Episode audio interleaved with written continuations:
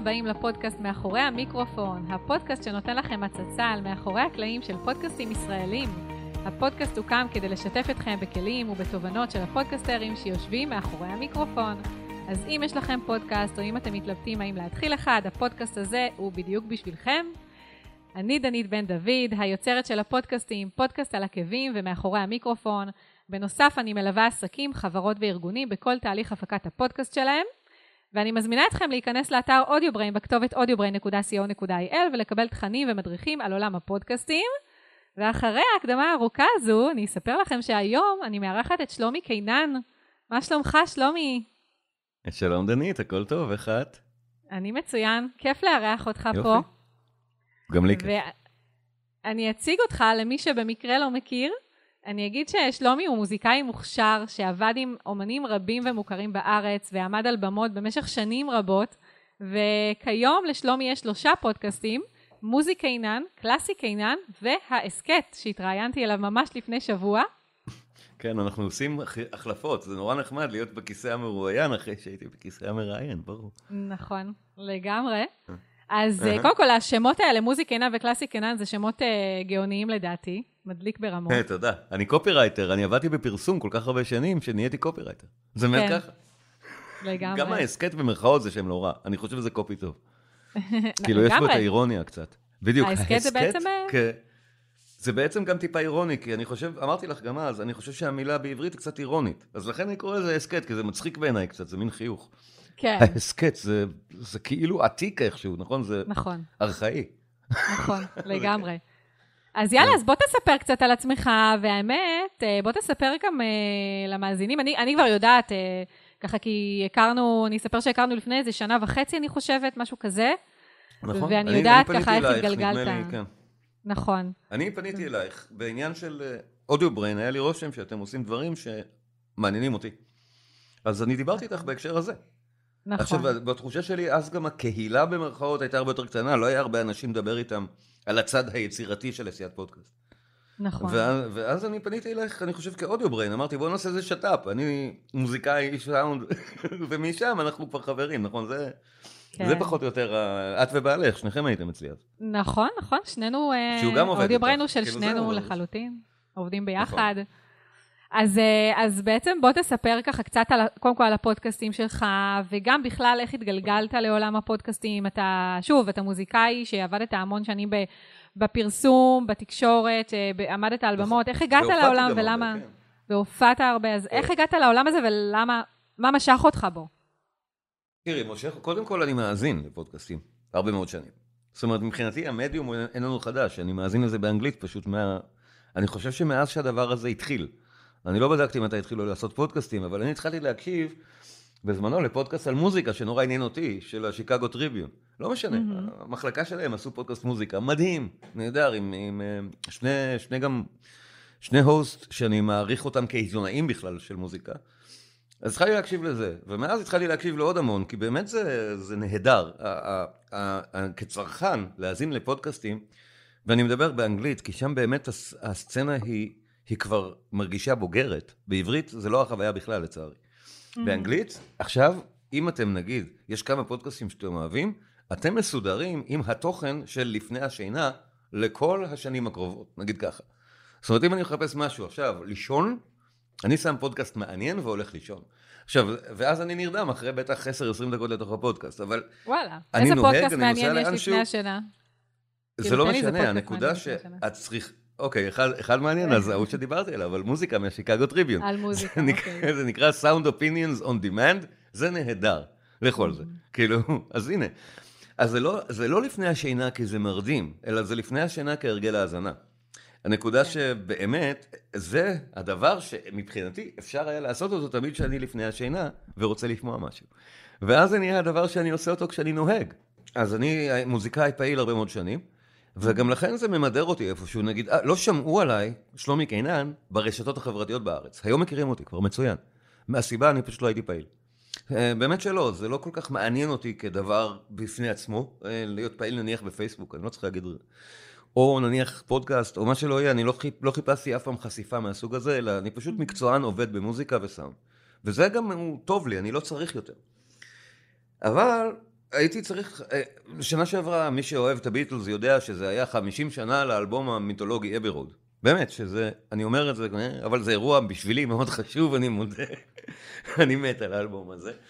והייתי אמור להפיק מוזיקלית מופע באוזן השלישית, שצריך היה להיות המופע לכבוד הדבר הזה. זאת אומרת, בת... נדמה לי בתאריך, במאי, ב-30 למאי נדמה לי זה היה. Mm-hmm. בתאריך של אבי רוד עושים הופעה, מארחים אמנים, ואני הייתי צריך להפיק את זה מוזיקלית ולהתארח באיזה שני שירים. מטבע הדברים הברזתי. נו מה, אני בבית חולים, תאונה, מה לעשות?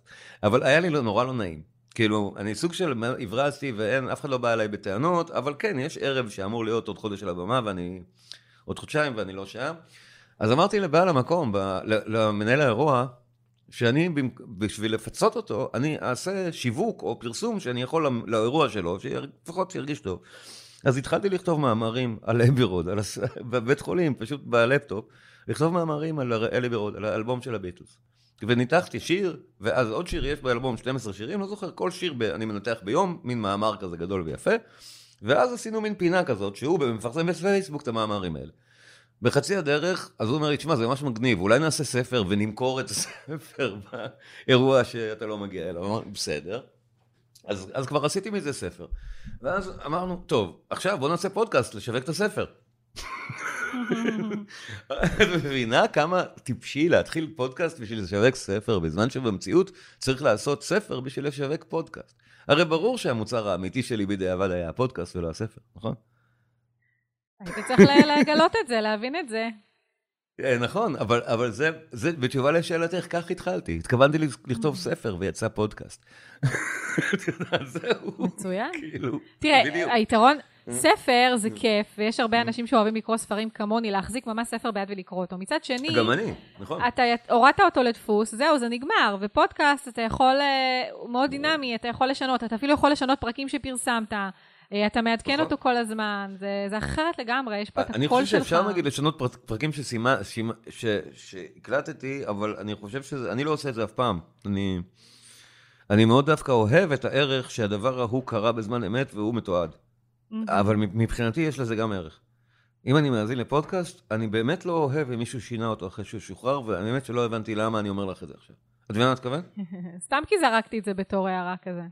לא, אני לא מבין למה זה מפריע לי בכלל.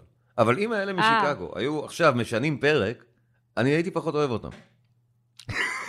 אני חושבת שזה אולי תלוי מה משנים, זאת אומרת, אה, אתה יודע. כן. אני חושבת שזה מאוד תלוי, יכול להיות סתם איזה משהו שפתאום, אה, לא יודעת, שכחת להשמיט ומפריע לך, או המרואיין שלך לא רצה שתגיד.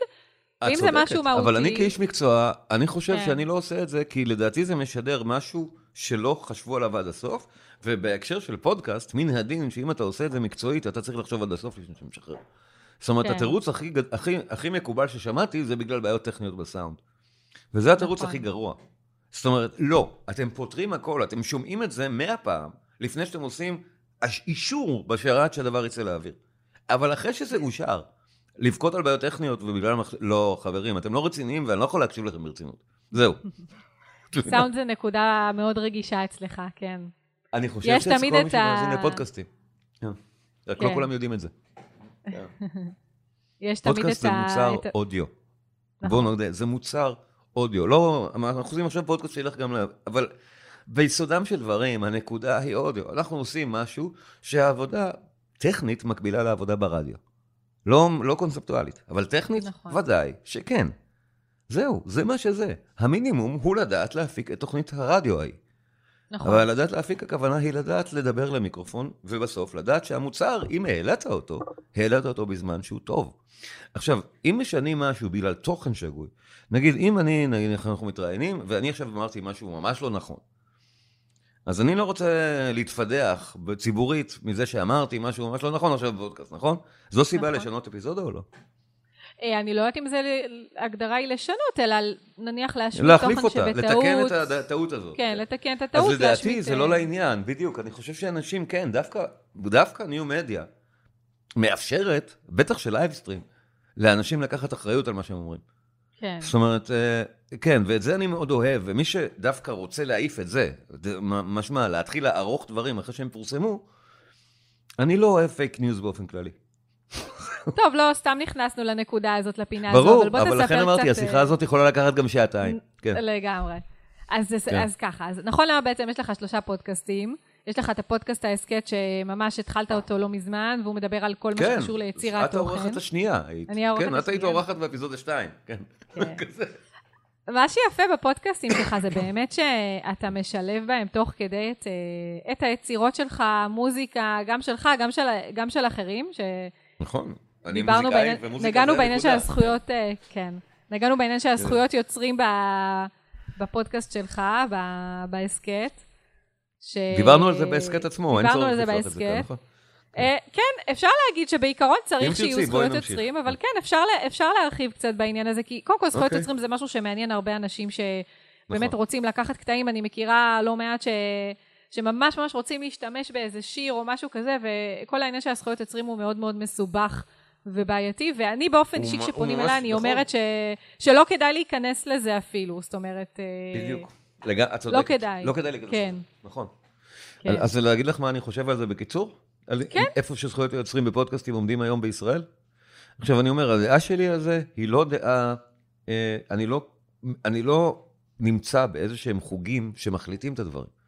אני, דעתי, דעתי האלה מלומדת מתוך התנסות ומתוך מתוך אה, אובזרבציה. כן. וגם מתוך קצת דיבור עם אנשים בכירים. אני לא יודע, אני יכול נגיד לצטט את אה, דני גוטפריד, אם את יודעת מי זה, דן גוטפריד. אפשר לחפש בגוגל, הוא ראש איגוד המוזיקאים בארץ, עורך דין. אוקיי. והוא הסמכות הכי גבוהה בארץ לזכויות יוצרים בכלל. מהמם. אז עם דני, כן, עם דני דיברתי. התשובה בקצרה של דני על הנושא כן. הזה, מהמם. שבארץ זה בכלל לא מוסדר בשום צורה. זאת אומרת, אם אנחנו משדרים מוזיקה, איפשהו, אנחנו באמת לא יכולים לדעת אם בכלל מגיע לנו כסף. אם בכלל, לא שכמה מגיע, עד כדי ככה כן. המצב הוא, הוא בלתי אפשרי. ולכן, כנראה שלא אני ולא את לא צריכים להיכנס לזה, כי אנחנו לא נפתור את זה. כן. זאת אומרת, הדרך, מה שאני עשיתי אז, זה לנסות, נגיד, לעורר דיון, כמו שעוררתי אצלי בהסכת. זאת אומרת, לדעתי מה שצריך להיות זה אם שמים, נגיד, ביטלס בפודקאסט, הפודקאסט אמור להיפסל מיד אצל השרת. אני לא חושב שמישהו צריך לתבע אותי על זה ששמתי ביטלס. זה אמור להיות כמו ביוטיוב. אם אתה כן. מנסה להעלות שיר של הביטלס ביוטיוב, הסרט שלך פשוט לא יעלה. אז כל האנשים למדו מאוד מהר, בדקה וחצי, פשוט לא לעשות את זה. לא צריך כן. תביעה. לא צריך לתבוע כן. מישהו על על הפרת זכויות. אבל בפודקאסטים זה לא קורה. עכשיו, אה, אז, אז בעיקרון, מנקודת ראותו של יוצר התוכן, מנקודת ראות שלנו, אנחנו בגן עדן, כי אנחנו יכולים לקחת איזה מוזיקה שאנחנו רוצים, ואף אחד לא עושה לנו כלום, למרות שאני מאמין שזה באמת לא חוקי. אני חושב שמי שמשתמש במוזיקה בפודקאסט, שאיננה שלו, אכן עובר על החוק. כן. מה, מה זאת אומרת מאמין? אני יודע שבאמריקה זה ככה, שם אני לא מאמין, שם אני יודע שזה ככה. בארץ אני אומר אני מאמין, כי אין לי שום, אף אחד לא עונה לי שום תשובה, ומה שקורה זה שחופשי. אני שם אפילו את הביטלס בפודקאסט ואת פינק פלויד, בכוונה, לראות מה יקרה, וזה לא נסגר. כן. זהו. כן, אז זה האבסורד. כן, אז לסיכום, אני באמת לא, לא נראה לי שמומלץ להשתמש במוזיקה. אם יש ספק, אין ספק, כמו שאומרים. תראי, אבל יש עניין אחר. אם עריכה מוזיקה, עריכת מוזיקה מעניינת אתכם, אני חושב שכדאי לכם להשתמש. אני בפודקאסטים שלי עורך מוזיקה. ההסכת הוא דוגמה לפודקאסט שעניינו הוא לא מוזיקה. השניים האחרים מדברים על מוזיקה, אז ודאי שיש בתוכם את המוזיקה עליה אני מדבר. אבל בהסכת זה פודקאסט אקטואלי, כאילו, זה פודקאסט שהוא רק דיבור, כמו שאני עושה עכשיו עם דנית, כן. ושם, גם באפיזודות איתך, העריכה המוזיקלית הייתה נורא חשובה, אם שמת לב. מדברים על כסף, יש את מאני של פינק פלויד. כן. כאילו, מאני, get away, ואנחנו מדברים על הכסף. והשיר עושה את כל האווירה של הדיבור הרבה יותר חדה. את מבינה מה נכון. מתכוון? יש, יש המון נרטיב בלערוך מוזיקה, על, לא רק על פודקאסט, גם על סרטון, על כל דבר. לעשות את זה מקצועית, וזה יתרון עצום, וזה מה שעשיתי. אם נכון. היה, היה, היה בעיה של זכויות יוצרים, לא הייתי יכול לעשות את זה. אז בוא תספר לי בעצם, כי נכון להיום בעצם העשייה שלך באמת היא, א', היא לתחזק שלושה פודקאסטים, שזה לא פשוט, למרות שאתה למשל את העריכות, אתה עושה את הכל בלייב, נכון? שזה כאילו קצת אה, מפשט את ה... אולי אה, את העניין, ואיך איך החלוקה שלך מבחינת ה... כאילו, מבחינת סדר היום, כמה זמן אתה מקדיש לכל פודקאסט גם? אני מאמינה שהפודקאסטים השניים, בגלל שמדובר על אה, ממש עבודת מחקר שאתה עושה, יש להם אופי מאוד שונה מה, כן, נכון. מההסכת. מי אז כן. תכניס אותנו אז קצת בואי אני למאחורי אסביר רגע מה. האחרים, כן. יאללה. תראי, הפודקאסט אה, האחרים, האחד הוא על מוזיקה קלה שהתחיל מהביטלס, מה שסיפרתי קודם. נכון. עשיתי שלוש אפיזודות על האלבום Abbey Road, ומשם כבר, בגלל שהיה, שהיה ביקוש, המשכתי לעוד תכנים שעניינה מוזיקה קלה. ה baby שלי זה המוזיקה הקלאסית. התחלתי את זה גם אז, באותה תקופה, וזה היה באמת בשביל תרפיה שלי. אני כבר מדיבור עם הרבה אנשים שמייצרים תוכן ופודקאסטים, הרבה עושים את זה לתרפיה. האמת, נכון. אני לא היחיד. עכשיו, זה מעניין, זו תופעה פסיכולוגית ששווה להתייחס אליה. אני אולי גם יתייחסו. בטח. שיש אספקט מאוד תרפויטי בתהליך של הפקת הפודקאסט. נגיד, המטרה בפודקאסט היא לעשות לי טוב, ופחות לשדר אותו אלייך, אני נשבע לך. אם אני צריך להגיד מה המסקנה שלי.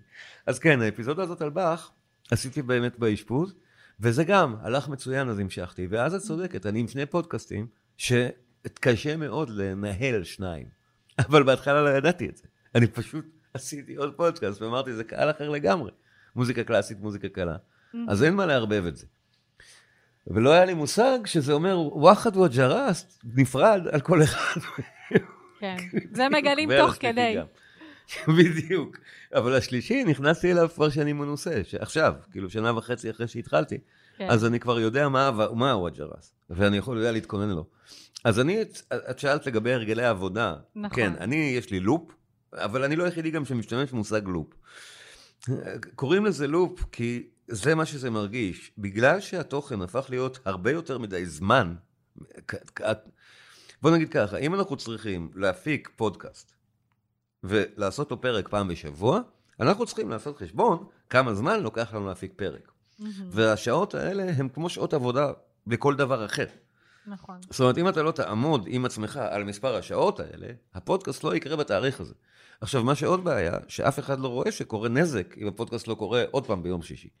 אבל זה גורם לכם נזק. זאת אומרת, חייבים לעמוד בלוז הזה, ואז זה מתחיל לחייב מין מחשבה של, לא יש לי משהו מגניב לדבר עם דנית, ואז נעשה פודקאסט, אלא עכשיו אני היום צריך לדבר עם דנית, ואז אני צריך לערוך את זה בלייב בטוויץ', ואז אני צריך בעצם להוציא את הפודקאסט רק ביום שישי. זאת אומרת, זה נגיד הדבר שקורה, וככה אני חוסך את כל הזמן. זאת אומרת, אם לוקח לי את השמונה שעות האלה לעשות פודקאסט, ארבע מהן אני מבלה ב live stream בטוויץ', אז ככה כיסיתי עוד ארבע שעות על אותו התוכן. כן, אה, נכון. וזה ה-workflow, כן. כי בעצם התוכן שאני מקליט אותך עכשיו זה אותו הדבר. בטוויץ' זה מעניין בגלל שאוהבים לראות אותי עורך, לא משנה איזה תוכן, כאיש מקצוע שעורך סאונד.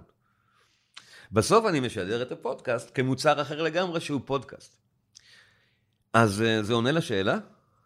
אה, כן, חצי, ומבחינת, אה, זאת אומרת, רוב העשייה שלך בעצם היום, היא כאילו מתחלקת להקלטה של, יותר נכון, הכנה לפודקאסטים, הכנה של הפודקאסטים, הקלטה, עריכה, שאתה עושה אותה בלייב, ואז בעצם אתה ממנף את זה למשהו נוסף, בדיוק. וההפצה.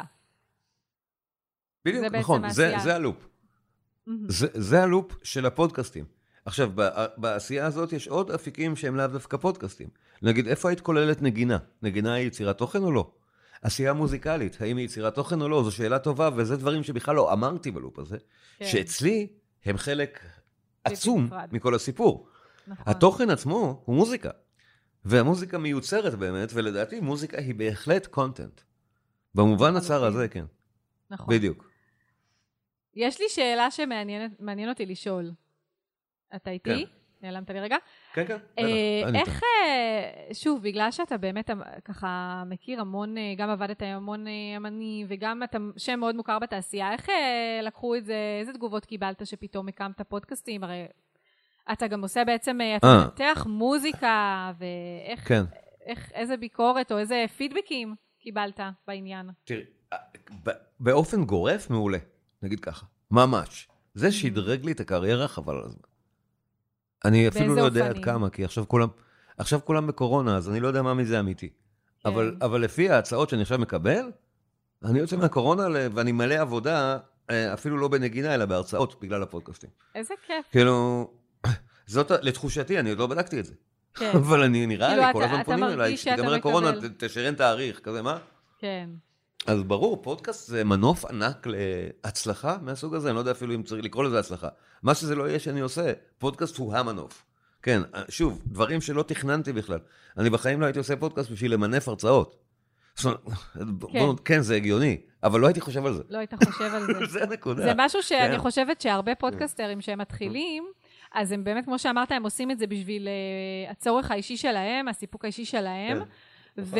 ואז פתאום הם מתחילים uh, לקבל כל מיני uh, פידבקים, תגובות, כל מיני הצעות, פתאום כאילו אנשים מתחילים להכיר אותם, פותח, וזה, ויש לזה, כן. וזה פותח המון המון דלתות, נכון. לגמרי.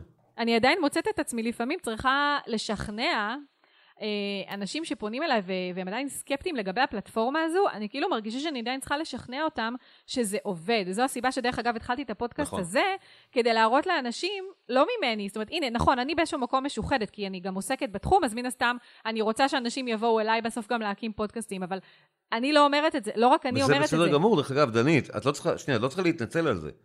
כי אם היינו לא בישראל, זה לגמרי בסדר. כן. למנף עסק עם תוכן. כאילו, אני לא מבין למה זה אמור להיות מתנצל... לא את. לא, לא, אני לא מתנצלת על זה. על שיווק עצמי? לא, אני, זה ב, ב, בדמי להגיד שתפסיקו לצעוק שיווק עצמי על כל דבר שמנסה לעזור לכם. נכון. כאילו, הדבר הזה הוא מעצבן כל כך, סליחה. כן. לא, הכל בסדר. זה, זה נקודה דווקא כן. חשובה, אני חושבת לפתוח, כי גם הרבה אנשים שעושים פודקאסט, אז uh, הם כאילו, אני, אני מרגישה בכש, ב, בטון דיבור שלהם ובהססנות שלהם, שהם מאוד לא נעים להם לשווק את עצמם בפודקאסט שלהם. זאת אומרת, זה משהו שחוזר אצל לא מעט. כולם יורדים עליהם כל הזמן. ברגע שאתה עושה משהו שאומר שאתה רוצה, לא יודע, ש... לעבוד, ישר, אה, קידום עצמי. ישר קופצים, זה נראה לי טרולים בכלל. כאלה מחכים כל היום לכתוב, אה, קידום עצמי, זה נכון, זה מאלה, כמו הפוליטי, אה, ביבי הביתה, טוב, כולם. די, אני עושה משהו שהוא יפה, אני לא לוקח עליו אגורה. וכן, כן. קידום עצמי, כי אני יוצר לעצמי מוניטין, בסדר גמור, אבל אלה חוקי נכון. המשחק, אתה לא עושה משהו בשביל שלא יקרה ממנו כלום. אז בואו נכון. נגדיר, נגדיר רגע, אם אנחנו עושים תוכן, אנחנו צריכים שיאפשרו לנו לפרסם אותו איפשהו. נכון. ולא לחשוב שהתוכן שאנחנו יוצרים מהווה אוטומטית שיווק עצמי. זה הכל. נכון. נכון. חוץ מזה שאם במשהו, בתוכן שאנחנו מייצרים בסופו של דבר באמת יש ערך לצד השני, אז אני חושבת בכלל, שבסוף כן, זה ווין ווין סיטואשן לכל העניין, ו... אז בסוף כן, אבל אנחנו מדברים לא רק עלינו, דנית, כי את נכון. ואני ותיקים, אנחנו כבר אחרי הסרט הזה. אנחנו מסתכלים עליו אחורה ואומרים, כן, אנחנו מכירים את זה, אבל מי שרק מתחיל, נתקל בזה, אני חושב, כל הזמן. תראי, חבר'ה שלי נגיד, שמדברים איתי, שמתחילים, אז את מדברת, את עוברת לעסקים ולא עוד אנשים. את בטח מדברת הרבה יותר ממני עם מי שמתחיל לעשות פודקאסט. כן. אבל נגיד, חברים שלי, שאני מכיר אישית, נעלבים קצת מכאלה דברים. זה באמת לא נעים. אה, כן. אה, כאילו, אתה עושה משהו, ובאמת, אני, אני יודע להעריך כמה הרבה עבודה וכמה חשיפה זה גם, לעמוד מול מיקרופון. ואני נכון. זוכר, כי אני באמת צריך לזכור, אני 30 שנה מול מיקרופון, אני חוזר ואומר, לי זה קל, אבל זה ממש לא חוכמה, כי אני מול זה כל החיים. לאדם שרק שומע את עצמו מקליט בפעם הראשונה, השנייה או העשירית, זה נורא קשה. זה נורא נכון, קשה, ואז הוא סוף סוף קשה. מוציא משהו, ובוא נודה, להוציא פעם ראשונה את התוכן זה גם. אז אתם מבינים כמה פעמים אנשים מתחילים ולא לא נכון. מוציאים את זה? זה לפעמים נכון. לוקח שנה, עד, נכון. ש, עד ששורפים את זה, כי זה לא מספיק טוב. ואז מוציאים, ובסוף, קידום עצמי. נו. כן. יואו, זה טראומטי, נשבע לך. נכון. זה, זה מחזיר אותי אחורה כן. לפודקאסט שלי, נכון, כן. לפודקאסט על הכאבים. הפרקים הראשונים, אני הקשבתי להם, אני חושבת איזה חמש פעמים לפחות לכל פרק. אני אשכרה זכרתי בעל פה כבר את הפרק. זה כן. יחסית כאילו מעט, אבל... נכון. אבל, וכל הזמן ניתחתי את עצמי, זה לא טוב, וזה לא טוב, וזה לא טוב. בדיוק, נכון. כן, זה מאוד מאוד קשה. זה נורא קשה. עם הניסיון באה היכולת לעשות את זה קל. נכון. אבל הניסיון הוא גם, שוב, כמו כל עבודה, וזה לגמרי עבודה, עם סימן קריאה. נכון. content creation זה full time job, אל תטעו. זה, נכון. עב... זה יכול להיות יותר מעבודה שעבדתי לא בזה, נגיד ככה. אני כרגע שמונה שעות ביום, אבל אם אני רק רוצה, אני מגדיל את זה ל-12. או ל-18. זאת אומרת, זה תלוי רק בי, זה עבודה. אבל לפני שזה עבודה, הלימודים, הדרך של להגיע לאיפה שדנית ואני נמצאים, היא גם עבודה נורא קשה, ולדעתי יותר קשה. כי אנשים נבוכים, אנחנו הפרונטמנים ואנחנו ה brand, כאילו, אני המותג. כמה שמצחיק נכון. להגיד את זה. אבל בפירוש, אני המותג, אני חייב להתייחס נכון. לעצמי כאל מותג, ואז, רק אז אחרים יתייחסו אליי כאל מותג, ורק אז יתחילו לשמוע מה שאני עושה. נכון. זה גם חלק מה loop הזה. נכון. רציתי לשאול אותך עוד משהו באמת בהקשר הזה של החשיפה. אתה אמרת שלהיות מאחורי המיקרופון זה משהו שהוא מאוד מאוד קל לך. מהצד השני, בהתחלה, אני זוכרת כשהכרנו, א', היה לי מאוד קשה למצוא אותך בפייסבוק, ואני זוכרת שאמרת לי שבכוונה אייתת את השם שלך שונה, אה, ו- נכון. ופתאום, את ככה... רואה שזה דברים שאני הרבה פעמים עושה, דרך אגב, דנית, זה לא פעם ראשונה שאנחנו מדברים על משהו שאני עושה כאילו הפוך, כן. ועושה אותו בכוונה, כי אני חושב באמת קופירייטרית. כן, נכון. ממקום של משרד, משרד פרסום, לא ממקום של כסף, אלא ממקום של איך אנחנו עושים את הטיז נכון, נכון. כפרסומת. אז, אז לכתוב את שמי לא נכון בפייסבוק, מעורר בי הרבה יותר עניין מאשר לכתוב אותו נכון, ואני יודע שמכירים אותי מלכתחילה, כי אני המון שנים על הבמה, אז אני יודע שיחפשו. כן. אבל זה באמת תרגיל שמי שלא נמצא עם הביטחון העצמי שלי לא יכול לעשות אותו. זהו, נכון. אני לא ממליץ על זה לאף אחד, אלא אם הוא באמת יודע מה הוא עושה בהפוך על הפוך הזה. כן. אבל השאלה, הש- השאלה שרציתי לשאול? זה אתה בהתחלה, זאת אומרת. היו לך את הפודקאסטים, וגם שוב היינו בקשר בהתחלה, לא, לא היית נוכח ברשתות, ולאט לאט התחלתי נכון. לראות יותר ויותר שאתה גם פעיל בקבוצת פודקאסטים, וגם פתחת את הקבוצה יוצרי תוכן, וגם התחלת לפעול בטוויץ', והתחלת פתאום להיות מאוד מאוד נוכח בכל הרשתות האלה. אז א', למה בעצם. החלטת או הבנת שאתה צריך לעשות את זה? ואיך זה, איך זה תורם לך, איך זה, איך זה מקדם אותך, האם נוח לך להיות במקום הזה? אני אומר מאמינה שנוח, חלקי. אבל אה, כן. אז זה נוח לי. תראי, אני מתבטא מצוין בכתב. כן. קודם כל, גם בעברית וגם באנגלית. אז שוב, יש לי יתרון יחסי, ברגע שאני מתקשר ברשת חברתית, אה, אני כותב באמת טוב. זאת אומרת, תמיד מעירים לי, אני לא סתם מנסה להחמיא לעצמי, מעירים לי שכתבתי יפה. אז אה, אם זה כתוב טוב, באופן טבעי, אני יכול להשתלט על רשת חברתית אם אני רק רוצה ואם יש לי זמן. אין לי זמן. כאילו, מה שאת אומרת, לא ראו אותי ברשתות חברתיות באנג... בעברית, כי באנגלית הייתי מאוד פעיל. היית פעיל באנגלית, אוקיי. ברור. אז למה לא הרגשת את הצורך בארץ? כי הפסקתי לנגן. אוקיי. זה לא כאילו בעצם, בגלל ש... זה כאילו? החליף, החליף באיזשהו מקום את הצורך להיות בפרונט שהיית בעבר בבמות, ו... ברור, לא מקום. באיזשהו מקום, זה החליף, זה, זה החליף. מילא את המקום הזה, כן. מילא את המקום. ואז עכשיו יש קורונה, אז לדעתי כולם במקום הזה. זאת אומרת, אני נכון. פשוט גיליתי את זה שנה לפני קורונה, כי הושבתתי בגלל תאונה. אבל לדעתי בתקופת הקורונה כולם בבית, אז כולם בכל מקרה הולכים לכיוונים האלה של להיות נורא פעילים איפה שלא יהיה. אבל האמת נכון. שזה גם מפחיד אותי, הרשתות. אני אגיד לך את האמת, אני גם מפחד מזה. זה סוג של רע הכרחי. בכנות. כן. הייתי מעדיף לא להצטרך להיות פעיל בזה. אה, זה לא כיף. סיבה לי זה. מפחיד אותך? אני עושה את זה, לא, אני עושה את זה כשוק של אילוץ. קודם כל, האלימות הזאת. הקטע שחוסמים אותך, נגיד, בקבוצה, מה שסיפרתי לך, הוא לא נעים אף פעם. זה לא ש... זה לא שזה עובר לי ואני יכול... תראי, חסמו אותי בקבוצת מוזיקה קלאסית, לפני שבוע וחצי, המנהל הקבוצה. אני לא רוצה לפתוח פה קבוצה מלוכלכת, אבל הנקודה שהוא כן. אותי על כלום. זאת אומרת, זה, אני, אני פרסמתי שאני עושה הרצאות חינם, וזה בא לא רע, אוקיי? אני לא, בלי לבקש תשלום. אבל זה בדיוק הכוח שיש בידיו, הוא באמת יכול לחסום אותי בפני הקהל שלי אם הוא רק רוצה. זה לא כיף. זו מלחמה שאני לא רוצה בה בכלל. כן. זאת אומרת, אני לא רוצה להתחיל לריב עם איזה מנהל, מנהל קבוצה בפייסבוק. יש לי דברים יותר מעניינים לעשות בחיים, אבל זה כל הזמן קורה, אז בואי נגיד, הדבר הזה הוא גם לא כך כיף הרבה פעמים. אה, אני לא נהנה לריב עם אף אחד, אני מאוד נהנה למשל לעזור, את זה אתם רואים, לכן אתם אוהבים אותי נכון. בקבוצה של פודקאסטים, כי אני תמיד, תמיד תורם עזרה. נכון. אבל נגיד שם, מישהו היה אומר שאני עוזר בגלל קידום עצמי, אוקיי, זה גם קרה. אז כאילו, אז הקטע הזה לא נעים לי בכלל. אני לא אוהב להיות במקום הזה שצריך להתחיל להגיד, לא יודע, להיות מואשם בשטויות, אז, אז כן, זה רע הכרחי, אבל אני נהייתי מאוד פעיל כי הבנתי שזה חשוב. כן, נכון. אוקיי, זה, זה לא כי אני מעניין אותי במיוחד ליצור קשרים אנושיים דווקא בפייסבוק. אה, כן. זה עונה? כן, כן, אוקיי. לחלוטין. אז אה, בואו נדבר קצת באמת על ה... קודם כל, הפודקאסט, הפודקאסט ההסכת הוא מאוד מאוד שונה מה... באופי שלו, ובכלל, אתה מראש הגדרת אותו כפודקאסט מחתרתי שכזה, כן. נכון? גם מבחינת מה זה התוכן מחתרתי? שלו? מחתרתי שכזה. כן, כן, מחתרתי אה, שכזה. אה, דרך אגב, הוא כבר עבר מלהיות מחתרתי, כי בטעות הוא גם הגיע לספוטיפיי. אבל איך הוא הגיע לחיצת לספוטיפיי? כפתור לא נכונה. כי לחצתי לא נכון על הכפתור בשרת. בשלוש יחידות אה. הראשונות לא היו בספוטיפיי, אוקיי. אז ברביעית אני לחצתי שם משהו, וטוב, שיהיה כבר. וכבר אבל הפצת. רציתי באמת לדבר זה איתך כבר על היה זה. מאוחר מדי. כן. רציתי לדבר איתך על זה, בהתחלה. זה לא היה לספוטיפיי, כן. נכון. כי באמת אמרת שמישהי ואני פנתה חושב שאני. אעיף את זה משם, דרך אגב, אני- אני אוציא את זה החוצה עוד פעם. זה היה באפיזודה ההיא, היה בלילה, פרסמתי, כן. אז למה החלטת, מאיזה סיבה החלטת שזה לא יהיה? כאילו, למה החלטת להשאיר את זה פודקאסט מאוד כזה, כאילו, כמו שאמרת, מחתרתי, וכאילו לא נמצא בכל מחתרתי. מקום?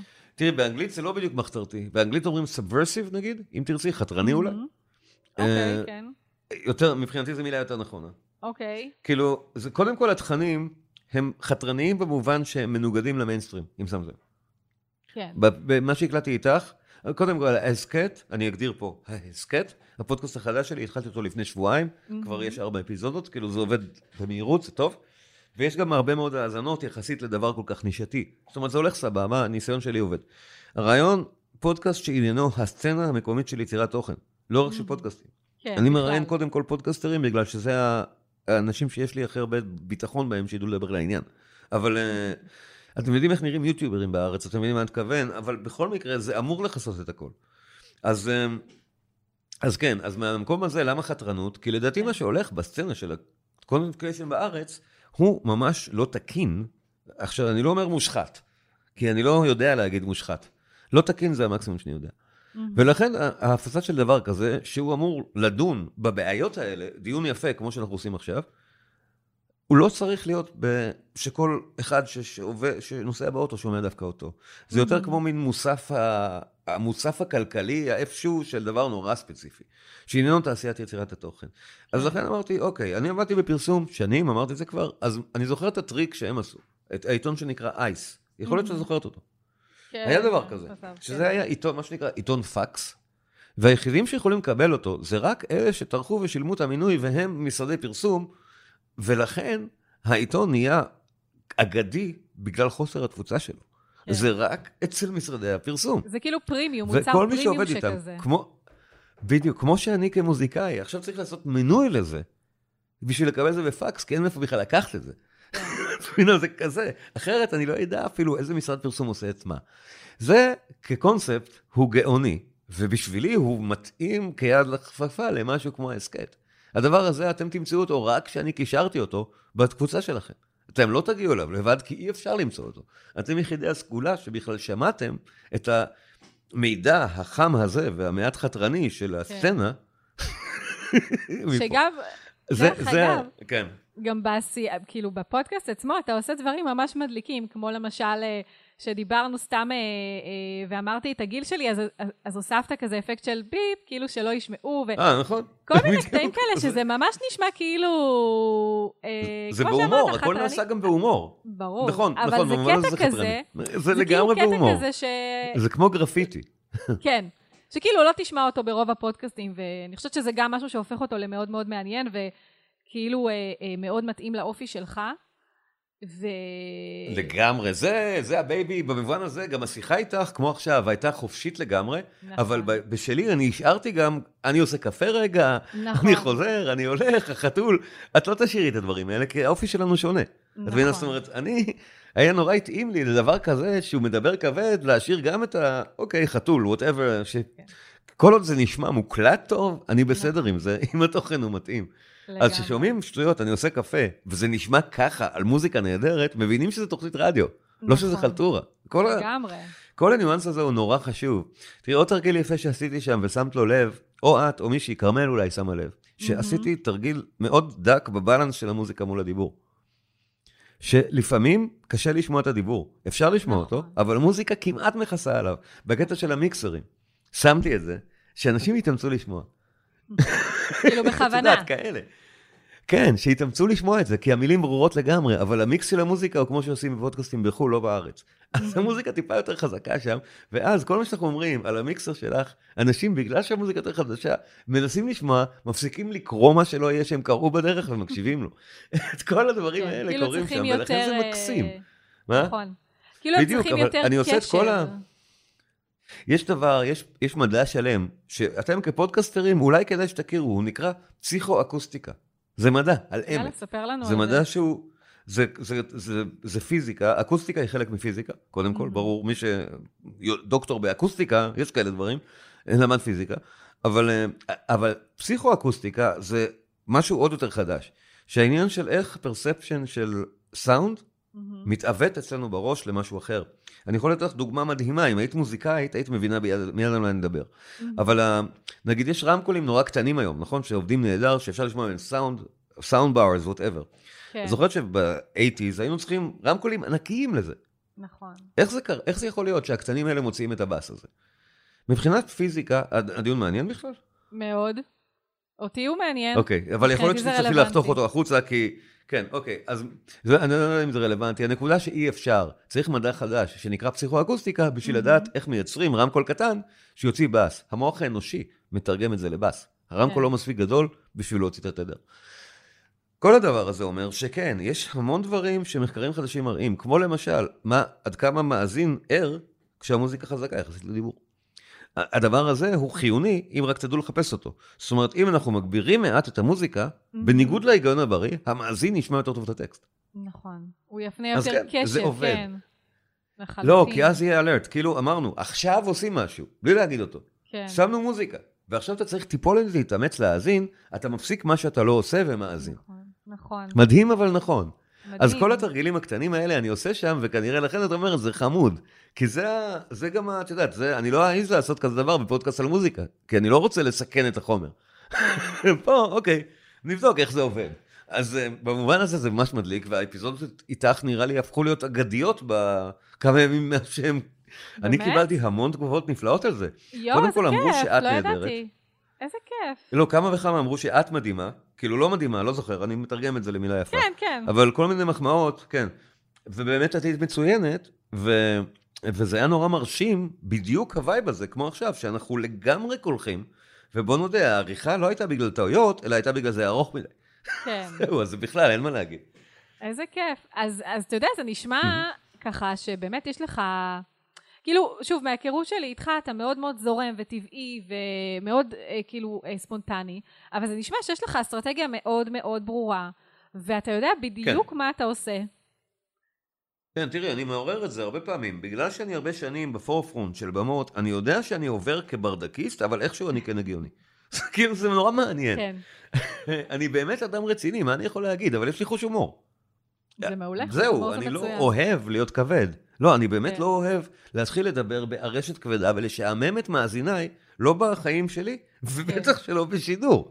עכשיו, מאחר והקול שלי הוא טוב, באמת, את זה אני יודע, יש לי קול שמתאים לזה. נכון. אז אני גם יכול לדבר בארשת הרצינית מספיק, ואז גם המצחיק נהיה מספיק רציני שיקשיבו לו, וזה בדיוק ה branding שאני מנסה לבנות לעצמי כיוצר תוכן. ואני באמת חדש בזה, אני רק שנה וחצי בעסק. כן. אבל זה הולך לא רע. אני מודה שהפרללים בין זה לבין יצירת מוזיקה, הם מאפשרים לי לטוס עכשיו, כי מוזיקה אני יודע ליצור ואני טס. זה מבחינתי אותו דבר, אם תרצי אני אשווה, למה זה אותו דבר. כן, תשווה לנו. תשווה.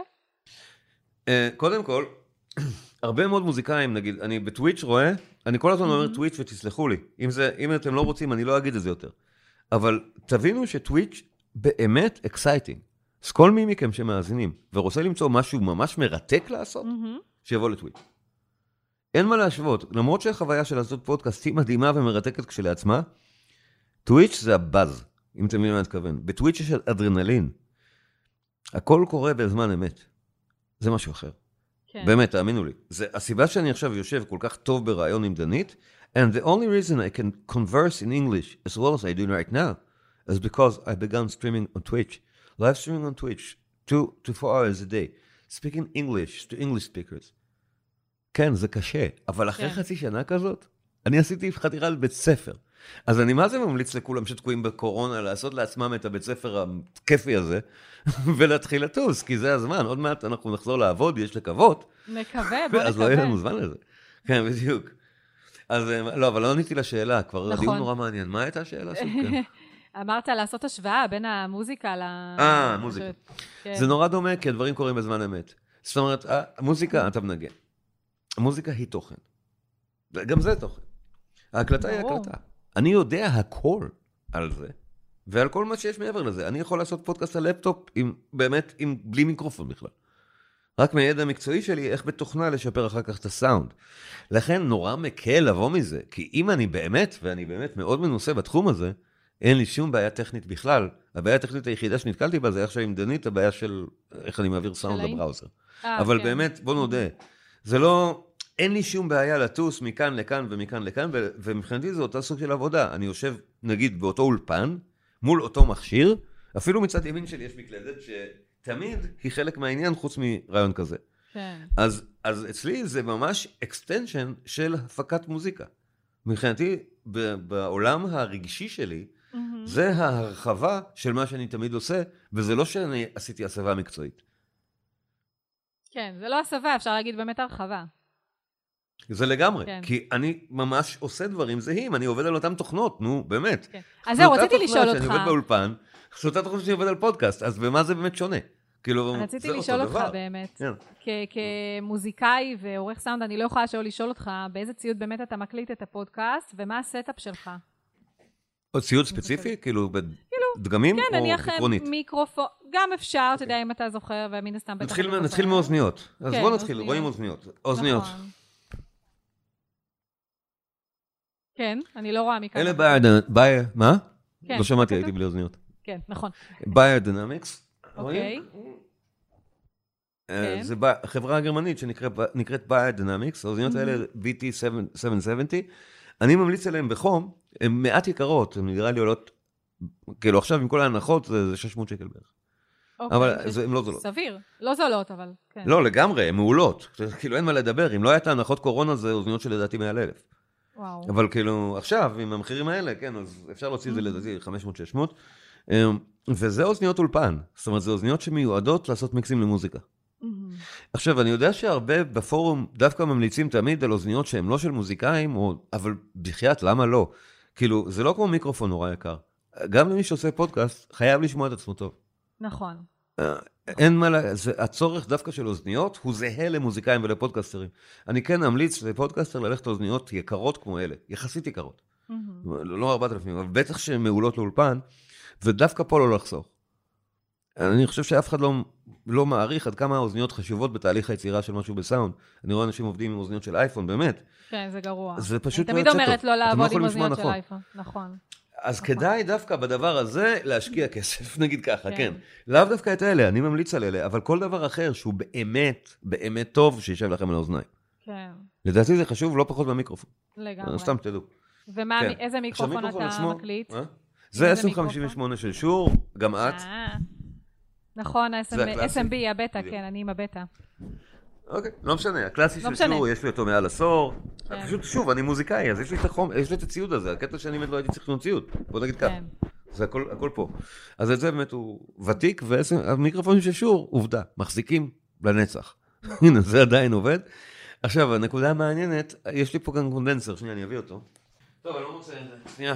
לא, לא נורא, לא נורא, דיברתי על ה setup, שכאילו כן. אתה מקליט, בתכלס אתה אה. מקליט עם ה Shure, נכון? אנחנו פשוט אה, לקראת סיום. כן, כן, בטח. אה, אז אני אגיד רגע אה, כרטיס קול גם. כן, איזה כרטיס קול? אז אני עובד עם PreSonus, עם הסטודיו אה, סטודיו 24. כן. הוא הכרטיס הכי קטן בסדרה שלהם, הוא מקביל ל Scarlett שכולם מכירים ואוהבים. לדעתי כן. הוא מעט יותר טוב, הוא מעט יותר יקר גם.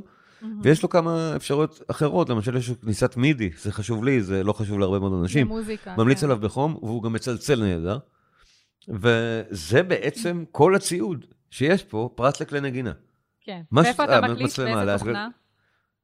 אה, סטוד- סטודיו 1 גם של PreSonus. Studio 1. מומלצת. מומלצת מאוד, היא תוכנה, לדעתי, אידיאלית לפודקסטרים. ממש אידיאלית. זו תוכנה בחינם? חדשה, יחסית. אה, יש שם קודם כל templates כבר לפודקסטרים. נגיד, אתה עושה, ממש, שמתאים לפודקאסט, והיא תוכנה מודרנית מאוד. התוכנות הוותיקות למוזיקה, אם אתם מכירים שמות כמו Cubase, Pro Tools, Logic, הן מאוד מסובכות. מהמם. הן מיועדות, ל... זה כמו להגיד, אם אתם מכירים Word, אני רואה Word, אני חושכות עיניי, אני לא יודע מה לעשות שם. אני לא מכירה. באמת. או לא, Office, לכתוב מסמך. אה? Word, Word, לא הבנתי מה אמרת, שמעתי כן. Word משהו. כן, אוקיי. אמרתי Word, whatever. זה, זה יצא לך מוזר. מילה, כן. כן. המילה, האפליקה, התוכנה הזאת, היא כל כן, כך. מסובכת. אני רוצה לכתוב בסך הכל מכתב. אתם פותחים Cubase, אתם לא מבינים מי נגד מי. כאילו. אתם פותחים את Cubase ואת Pro Tools ורוצים להתחיל להקליט, זה לא יצליח. אתם צריכים לקרוא את ה manual, נשבע לכם. אז לכן זה לא מתאים, כאילו, אין, אין שום עניין בלהתחיל לתרגל פודקאסטר למוזיקה. כן. אבל אה, נכון, אז סטודיו 1 כבר היא תוכנה חדשה, ועשו אותה במין מחשבה של גם פה, יוצרי תוכן, לא פודקאסטרים. נגיד באתר שלהם, ה- הם אה, באמת מפרסמים את התוכנה ליוצרי תוכן, ולאו דווקא למוזיקאים. אבל היא מעולה גם למוזיקאים, תוכנה מקצועית לגמרי, לכן אני ממליץ עליה. היא לא זולה ולא יקרה, היא באזור 1,200-1,500 שקל שם, לא יודע. לא, לא זול. אוקיי, אבל זה אבל בגדול... שוב, אה, נורא חשוב. גם, חשוב נורא על איזה תוכנה לעבוד. בוא נגיד, כרטיס קול טוב זה חשוב, אבל לא כל כך משנה איזה. איזה תוכנה זה מאוד משנה. כאילו, לא משנה באיכות, האיכות טובה בכולן, משנה ב-workflow. אם אתם עובדים על כן. תוכנה לא נוחה, זה סיוט. נכון, לגמרי. חייבים לעבוד מה שנוח. כן. לגמרי. אני תמיד ממליצה לאנשים להתחיל עם Audacity כי היא חינמית, אה, אבל לגמרי נכון. לגמרי מבחינת נוחות, וה- וה-workflow שלה, כמו שאמרת, היא לגמרי לא נוחה. כאילו, אני עובדת עם Adobe כן. אודישן, אה, או גם אם אני עורכת את זה בווידאו, אז עם לא- לא Premiere. חינם. כן. כן. לא, זה לא חינם. אבל- אז. זאת, בכל, כן. את בכל מקרה נמצאת בסביבת העבודה של Premiere, את נמצאת בטח בענן שלהם, אז יש לך את, יש לך את, נכון. אה, יש לך את אה, אודישן. נכון. ואודישן נכון, היא תוכנה מצוינת. אני למשל, לי היא למשל לא נוחה, אבל היא תוכנה מעולה. נכון. אני למשל, כשאני מלמד מכללה אנימציה, אני לפעמים פעם בשנה, אני מעביר שם קורסים, אז הם עובדים גם ב Adobe, הכל Adobe. אז כן. אני מלמד על Premiere, אה, לא, סליחה, על, אה, על אה, אודישן.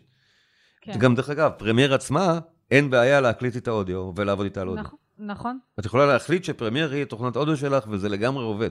שוב, נכון. לדעתי לא כך נוח, אבל עובד. כן. נכון. טוב, שלומי, אה, קודם כל, אה, תמיד כיף לי לדבר איתך, תמיד אנחנו זורמים לכל איזה- מיני אה, גם לי היה כיוונים. תענוג, בטח. מה, זה נגמר כבר? רגע, רציתי לשאול אותך עוד- שאלה אחרונה ככה לפני סיום. לא, תכלס אנחנו עברנו שעה, אז כן, בואי, כן. צודקת, אמרתי לך. וגם אה, מי שרוצה להמשיך, אז. כמובן יש גם את את הפודקאסט ש- שעשינו בעצם בהסכת, שנמצא אצלך. אני אשים גם קישור אליו באתר. של הפודקאסט. כן, אני אשים אליו קישור. זה יצא masterpiece, זה יצא גאוני. רציתי כן, לשאול אותך אהבתי את שאלה. אחרונה, ככה אה. לפני סיום. אה. איפה אתה, כאילו, מה התוכניות שלך יותר נכון לשנים הבאות, לתקופה הקרובה? איפה אתה רואה את עצמך מתפתח בעולם הזה של הפודקאסטים ובכלל? טוב, דיברתי על זה אתמול, זה מעניין שאת שואלת. אני עשיתי אתמול, וואלה. הרי את יודעת שאנחנו כל הזמן עובדים על ההקלטות האלה, ואז אנחנו מקליטים ועורכים אותן בסוף, והן נשארות, אז הקלטה כן. שעוד לא הספקתי לגוע בה. אז אה, אתמול, את יודעת מי זה גיל דור, המוזיקאי גיל דור?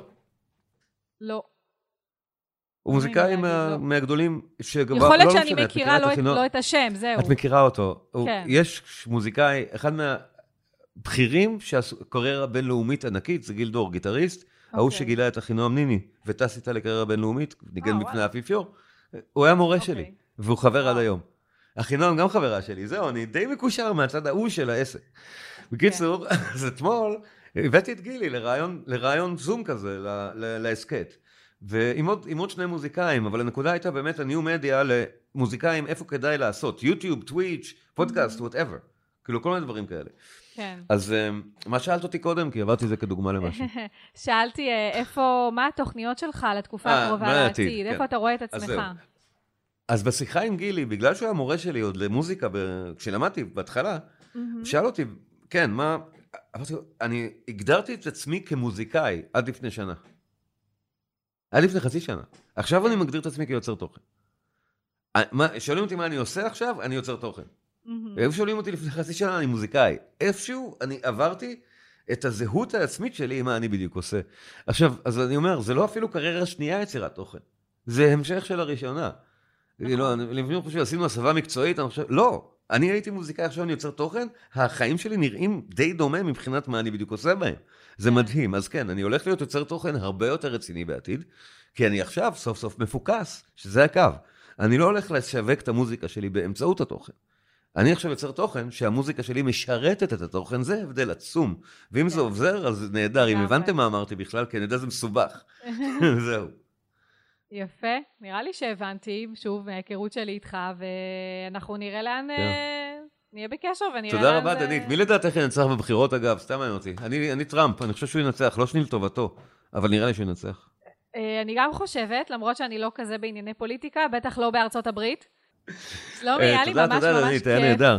אז אה, תודה, אני, דנית. אני אגיד לך תודה, ואני אגיד גם למאזינים שלנו תודה אה, שהייתם איתנו בעוד פרק של מאחורי המיקרופון. כמובן שכישורים גם לראיון שלי אצל אה, שלומי בהסכת, אה, ועוד כישורים כן. ל, לשלומי, ל- לאתר שלו, לאן של הפודקאסטים הנוספים שלו, אני אשים באתר של הכי מאחורי כדאי המיקרופון. לבקר אותי בטוויץ'. אני, מה בטוויץ', אז שהנקודה, כדאי מאוד. כי אני לייב, אני פשוט שם, כל יום Mhm. ארבע שעות. פשוט בואו לבקר ודברו איתי. אני שם, פשוט אפשר כל שאלה לשאול, אני עוצר, אני מראה. כבר באו. שאלו אותי איך אני מחבר את המיקרופון, נגיד לפודקאסט, והסברתי. הראיתי את ה chain שלי.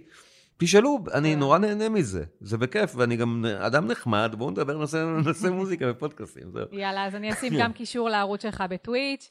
והיה לי כיף, שלומי, שיהיה לכם המשך יום נפלא, ביי ביי. תודה רבה. אני רק אגיד דברי סיכום שלי כאלה. יאללה, סגור. Uh, כולם מוזמנים לראות אותי, אני כל יום בין uh, 6 ל-8 בעברית בטוויץ', www.twitch.tv/שלומי קינן זה S-K-A-Y-N-A-N Music, סקיינן Music בטוויץ', ואחר כך בין 9 ל-11 באותו מקום בעברית, על מוזיקה קלאסית, מוזיקה קלה וכל מיני מוזיקה בעברית, אני מדבר שם על מוזיקה, לא על טכנולוגיה. זהו, דנית. מעולה. יאללה, ביי ביי. ביי.